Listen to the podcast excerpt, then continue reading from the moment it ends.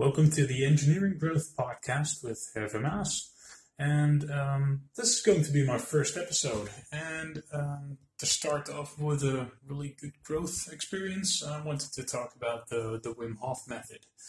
And um, I've done the training twice, once for a whole week in Poland, and um, I've done the workshop just a few days back to uh, literally refresh my knowledge of the, the method and um, to get in touch with it a little bit more. Um, in the last uh, years, I haven't done that much with it. I've done a little bit. I'm better with cold, but I felt um, together with my girlfriend, with Kimberly, uh, we felt like we needed to refresh it just to get that that feeling again of um, uh, what it did for us while we were in Poland in the winter of 2016.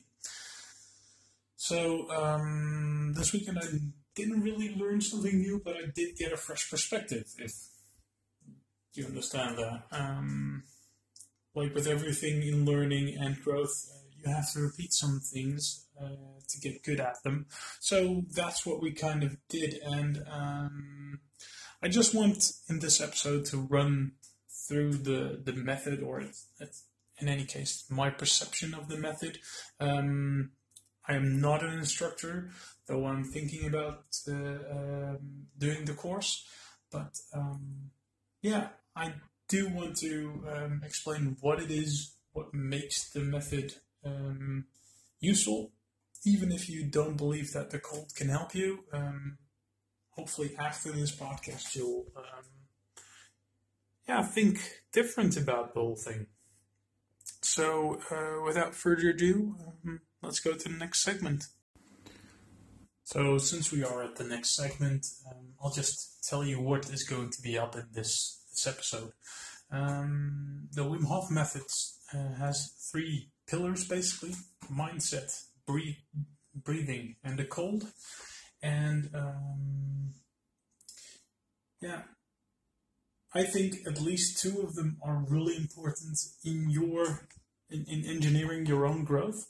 Um, the last part, I think basically all three are very important, but the last one um, is a bit difficult for a lot of people because it's really outside of their comfort zone. The rest, the other two parts, you can just do because they feel safe and they they help you nod along with everything.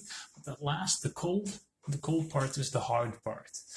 Although I think it is the the uh, for yourself the best teacher because uh, it really brings you in line with your body. Um, breath does that, does that too, but not in the same um, at the same level. And mindset, yeah, that's something that you can just uh, nod along with. I saw that with uh, uh, the workshop I did last weekend um, there was a guy that just nodded along, and when push came to shove, he just moved on.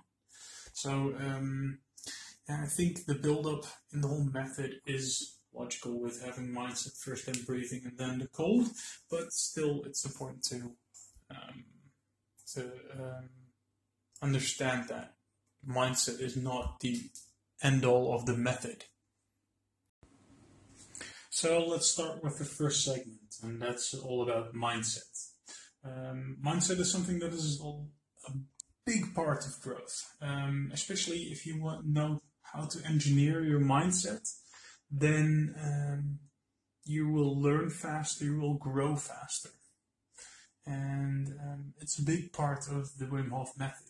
Um, if you do not have the right mindset, if you do not ask something of yourself, um, it's quite hard to um, get where you want to go. So we have our reservations about how to do things. And um, the funny thing is, the word reservations basically hints at what we're doing. We're putting ourselves in reserve. We um, we take a part of ourselves and just put it aside.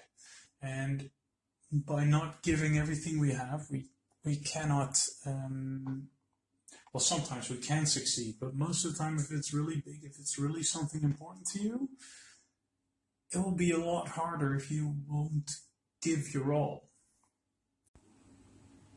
And well, we take reserve to protect ourselves, to um, not put our full selves out, out there. And if we do not put our full selves out there, we feel safer, but for our goal, it's a lot um, more hazardous to not give your full effort. Next to that, by not giving your full effort, you um, always give yourself an excuse. But yeah, I haven't given it my all, so I can always try again. And I know I I do this all the fucking time. Sorry for that, but I really do. Um, there's a lot of stuff I will not go in fully, and it's something I'm really wanting to stop doing. So because it will, it, it, just hurts me. Um, every time I do this, some I, I make it with this just on the skin of my teeth, and when I don't, I'll pass with flying colors. Um, and the funny thing is, I do take myself in reserve every time. And with the training today, and after I came back from Poland, I just um, did not do that as much. And that's something I do attribute to the training. Uh, besides that reserve feeling safe, um, having that reserve, we uh, protect, in quotation marks, um, ourselves against failure. Uh, and you shouldn't protect yourself against failure because failure is just how you have to look. Um, failure is just a big part of learning. Um, you have to uh, basically pay your dues on that. So you have to fail to to learn. And if you do not fail, you hardly learn anything. Um, you need to do those breaking training uh, training things just to break yourselves or to get near breaking. Um, funny thing I just heard in a, in a recent podcast from Tim Ferriss uh, with uh, Joe Gebbia, the co-founder of, of Airbnb. Um, he just explained a formula, um, and that formula is, is, I think it's funny, but um, it has a really, uh, it has a truth to it. So you have um, SW squared plus uh, WC equals MO. And that formula stands for some will like your idea or your action, some won't, plus who cares equals move on. Um, what he wants to say with that is that you have to um, to try and to pitch your ideas to people and fail at them. And if you fail, it's not the end of the world. Um, you will just have to find someone else to pitch it. And while doing that and while failing at that, you'll learn. And changing this part of your, your mindset and understanding that failure is and moving on from failure is a is a major part of learning and and growing. Um, that reframes everything to a much more useful uh, experience. And basically, that's the same with, with the Wim Hof method. Um, uh, when you, and I'm going to flash forward to the cold part, when you step into the water, that nearly zero degrees Celsius water, you will fail with your breathing, what you trained in this section before. You will just have a, have a shallow breath. That's not a problem. Just push through there just just breathe and accept that you won't do it right the first time, maybe not the second time, or your second breath, or your third, but your fourth might be. As long as you try, as long as you uh, accept the failure and um, just move on, give it your all. Don't have everything in reserve. And I really believe that um, the Wim Hof method is not for everyone, but I do believe it's for everyone that wants to grow on a personal level. And if you reject something, in, or yeah, well, that kind of sounds like a threat, but if you really want to grow, this some this training will help you with that. The second part of the Wim Hof method is the breathing part. Um, maybe the most important part, and um, I'm not going to explain to you how this is done. Like I said, I'm not an instructor. I do not want to train you on this. I just want to help you understand what it does for you and how it can help you. So, um, something we usually do nowadays is just we, we our breath is too high in our chest. And what I mean with that is that we keep our lungs within its cage, within your rib cage, literally. Um, we ba- will basically breathe like this, and that's up here. It's at your your chest bone, or if you ever call that thing your sternum, if I'm not mistaken. Correct me if I'm wrong. You're always allowed to just react to this uh, um, podcast on on Anchor, but. Um, the funny thing is to um, if we lower our breath, we put it more to our stomach or at least to our belly, and we just blow that up. We give our lungs a lot more room, and we take longer and deeper breaths. We only need about four to six to keep on working like usually. And um, if we take longer breaths, we um, inhale longer and exhale even longer. So use a four seconds in, six seconds out rhythm. We have a really nice and calming breath. And the funny thing is, if you breathe like that, you take the time and the effort to take a deep breath and you will calm down immediately that's a very useful skill because we live in a very reactive time. We piss off everyone, or we get pissed off by anything. The um, if someone for some reason misses us on a, a, crossroads and we're not even on the road, but someone takes uh, the uh, the right of way, we get pissed off. We get fucked up and we start talking faster and we put every our breath to the shallowest part of ourselves and just blow ourselves up. But the funny thing is, anger doesn't help you at all, and being calm and being a bit more stoic about it most of the time helps you a lot more. It gives you the time to think. And of course, breathing that shallow does have um, its uh, its benefits uh, if you need to react really quickly, just jump away from that car. Of course, uh, you needed that extra boost. Um, being angry about that is just a release of tension. But um, we kind of treat a lot of trivial things like that near death experience. If someone pisses us off on Facebook, we go completely mental, and that's because we do not reg- it's not because we regulate our breathing, but it helps to regulate your breathing to deal with that. It really makes you a stronger person. It makes you um, uh, more calm, more even, and that will help you um, to engineer your career or to um, get through that tough spot in your in your education or during work. Another funny thing about breathing is that it can, um, if you do the Wim Hof method, and like I said, I'm not going to explain how you can do that, but you can literally get yourself to the highest highs. And you do not need to take a pill or anything like that. Just take a breath.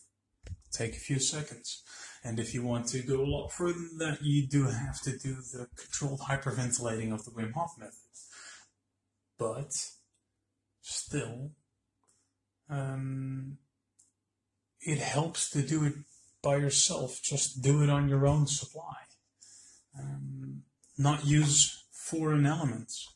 Um, using those foreign elements or uh, chemicals usually it, yes, a lot of drugs and and stuff are not um, you cannot get addicted to them, but they're very well, they're very low effort. And like I said in the last part, if you do not put in the whole effort, you won't get the full experience. So um, that's why I think the breathing part of the Wim Hof method is, is very important to do and to understand. And um, so, and if you only want to do the last part, just do the, the breathing part and take your time with it. So the last part in the Wim Hof method we have to talk about is cold exposure. Uh, there's a common myth that cold makes you sick, but that's not actually what is making you sick. You uh, do not get uh, catch a virus from being out in the cold. You get catch a virus because of contact with other people. What does happen, however, is that you become weaker if you're not resistant to the cold or to the heat. And that's why old people, which have a lower resistance to uh, to big uh, change in temperature, get uh, die more easily in the dead of summer and the dead of winter because that is outside of their margin. And um, it's kind of stupid that we have this very small margin we keep our bodies in. Uh, most of the time, at least in the Netherlands, uh, the internal uh, temperature of a home is between about 18 degrees and 21 degrees, or sometimes even 22 degrees, but that is a very narrow margin of about 3 to 4 degrees of temperature, temperature variance. Think about it. If you're if you work at an office in winter, at your office, it's about 20 degrees. So, but if you walk around in your t-shirt, people will say, dude, just put on something warmer than that. It's, it's like five degrees outside. My usual response is, yeah, but it's 20 degrees inside, so I really don't need all that clothing. Walking around naked would be easier, or would be just as easy in here as um, anywhere else or at least outside at this time of year, it's a bit harder because it's a lot colder, but still. Um, but our cardiovascular um, system is a lot lazier because of it. And it's not that weird that you will catch a cold if you if your body is only used to working in that small of a margin.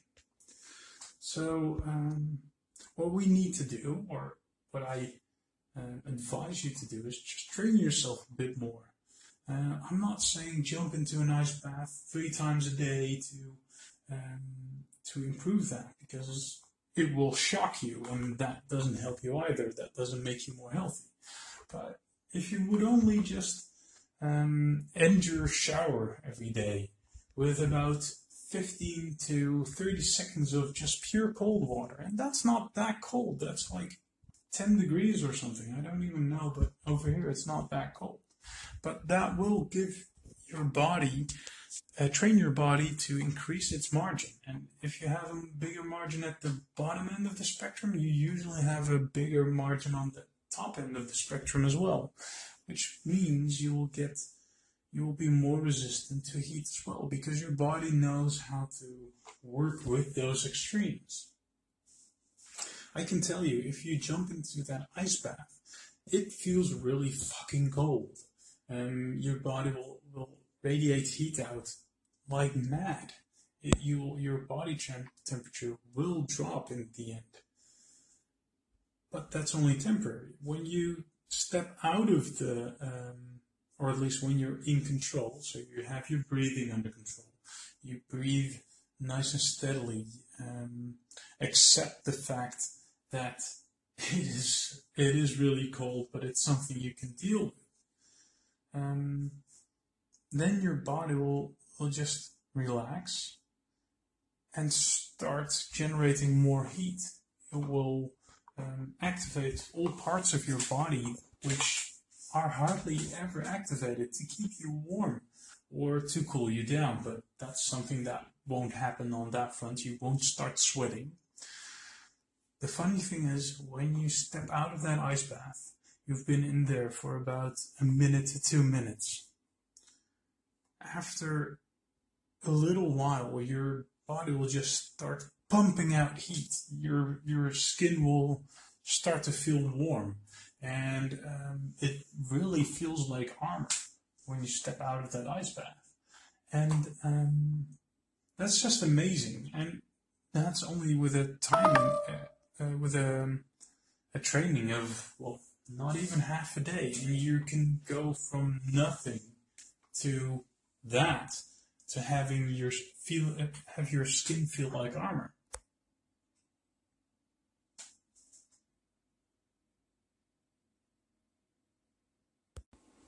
So that's the part of cold exposure, what it does for you. Um, yeah, I think I've got all the parts in here. I'm just going to wrap up out of uh, after this. You know what I think? Just to wrap up, um, what I think is the most important uh, or funny thing about the whole Wim Hof method is when you run through the individual elements of it, it's pretty common sense.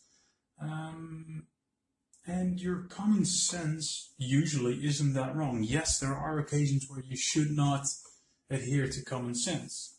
And but in this case, this is one of those examples where you can.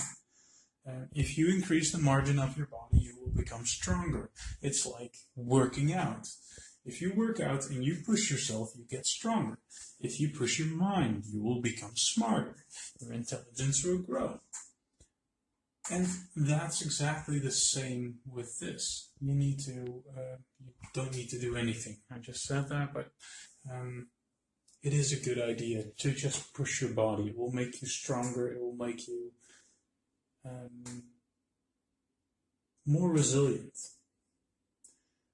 And it's a really good feeling to push yourself.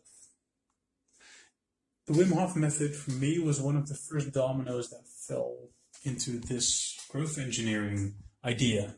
And I'm going to work this out. I'm going to push in. So hopefully you like this episode. Um, like I said, it's my first one. Um, it's probably full of errors and full of ums and ums, but I do want to know what you thought about the whole thing. Um, did you like it? Were there parts you didn't like? Please tell me. Tell me on Anchor. Um, I'm going to publish this uh, episode first here, and maybe I'll. Um, uh, it will be exported when I'm. I've got a few episodes under my belt, and then I'll put it on every other podcast network. But for now, it's still an Anchor. So um, call in if you want to tell me something. Um, if you want to send me a tweet, you can do that on Twitter at Herrenaas.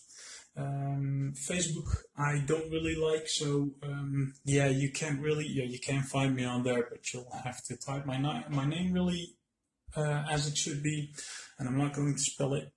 So um, yeah, uh, have a good good day and good life in any case if you're not going to listen to this again, and um, yeah, hope to hear from you. And thank you for listening to the Engineering Growth uh, podcast with me, Evan Maas. And um, so here, see you in the next one.